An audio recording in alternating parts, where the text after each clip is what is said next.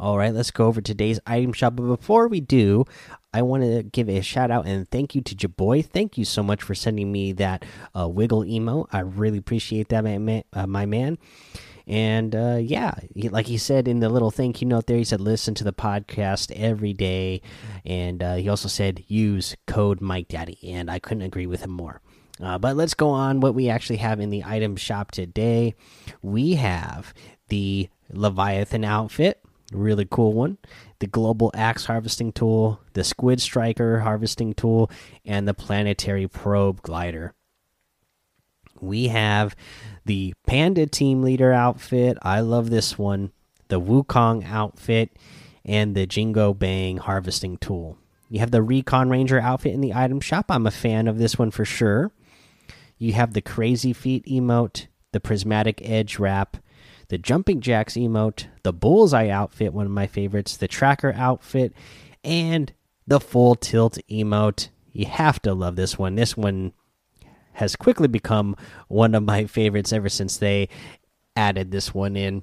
Uh, I didn't get it the first time around, but you know, I think I'm gonna get it this time around. Uh, and then don't forget you have that uh, Dark Fire bundle in the item shop and the that Wavebreaker starter pack as well. Uh, you can get all these items using code Mike Daddy M M M I K E D A D D Y in the item shop, and it will help support the show. Let's get to our tip of the day now. And again, this uh, you know, I just want to keep going on this theme of holding high ground or keeping high ground.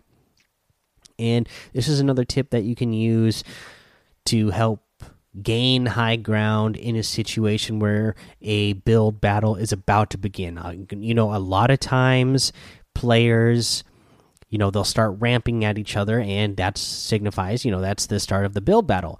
And sometimes you guys start at a point where you're going to eventually your ramps are going to meet up.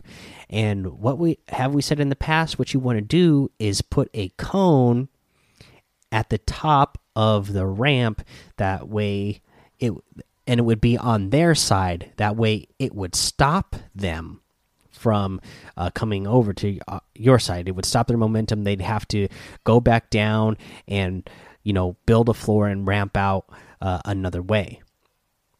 Slowing them down giving you a chance to uh, get the high ground. Now here's another great thing you can do because you know what the same thing can happen to you. They can cone you, right? But here's how you prevent that. You, when you're ramping up, when you know you're about to get to that point where you guys are going to meet up, you build a cone at the top of your ramp to where the cone is on your side. So the pyramid's on your side as if you're coning yourself. It's like you would be stopping yourself. Now your opponent can't put a cone on your side. And then as you're running up, you will edit one square that is connected to the ramp. When you when you when you edit that, that cone is going to break because it's no longer connected to the ramp.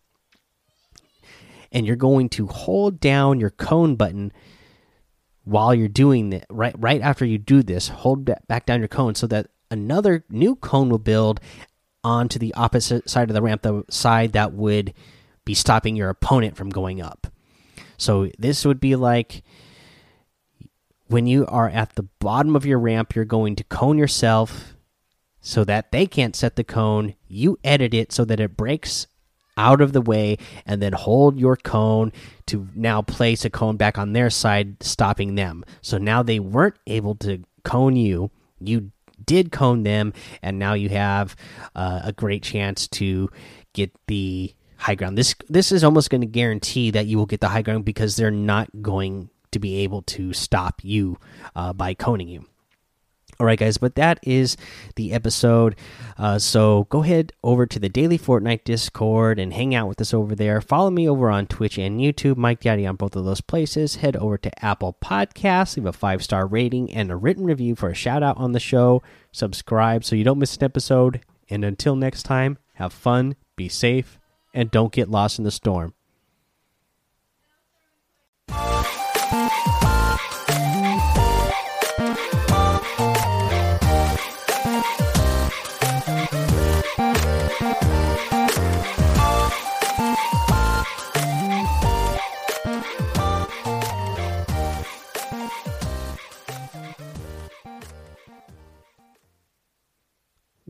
Welcome back to another episode of Daily Fortnite, your daily podcast about Fortnite. I'm your host, Mikey, aka Mike Daddy, aka Magnificent Mikey. For news today, we have the Microsoft DirectX 12 coming to Fortnite. This is by the Fortnite team. They say as technology evolves, so does Fortnite. The PC version of Fortnite currently requires a graphics card capable of running Microsoft DirectX 11. In version 11.20, however, you'll have the added option to play the PC version using Microsoft DirectX 12. By using DX12, PC players with high end GPUs may experience a higher and steadier frame rate. This is because DX12 delivers better CPU performance and allows for distribution of rendering jobs across multiple cores. In the future, we plan on adding features to Fortnite that are made possible by DX12, allowing players to opt into DX12 before these features are added will give us valuable information in our development efforts and help us shake out any bugs. If you're interested in helping us test DX12, please jump in and give the new option a spin. Thank you for your continued support. So, really good news for PC players. And really, this little blog that they put up is pretty much just like a big ad for Microsoft uh, DirectX 12, I guess, is what it seems like. But yeah, that's uh, coming soon. So that's really good news for PC players. They will continue to get uh, better and better performance. Uh, while us console players are, uh, it seems like, are getting worse and worse performance all the time. I, I, today, today was even worse than it's ever been. I've been having I, I ran into like a bug playing on console almost every day the last couple of weeks, and today when I played, it was absolutely ridiculous. Like skins weren't loading in.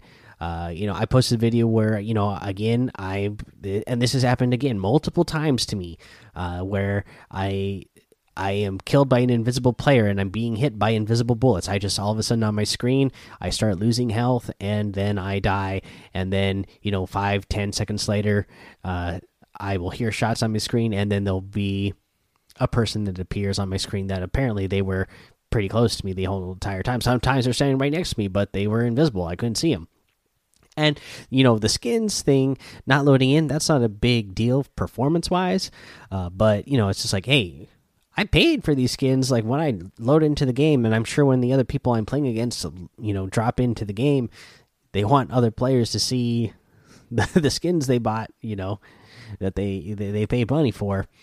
And then, uh, you know, I was having problems with, uh, you know, and instead of players running around with their skins on, I had a bunch of players running around, uh, and the contrails were still connected to them at, you know, after they landed already. So just some weird performance things going on on console still.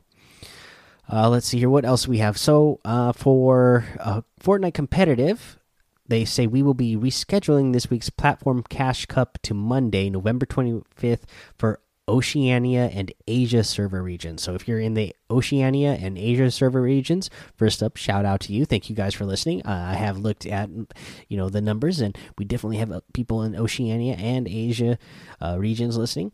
And uh, yeah, so for you guys, your cash cup this week is going to be moved to November 25th. Uh, so next Monday. Uh, let's see here. Let's go ahead and move on to a challenge tip now because I don't really have any more news. And we have the challenge where you need to hit 10 headshots.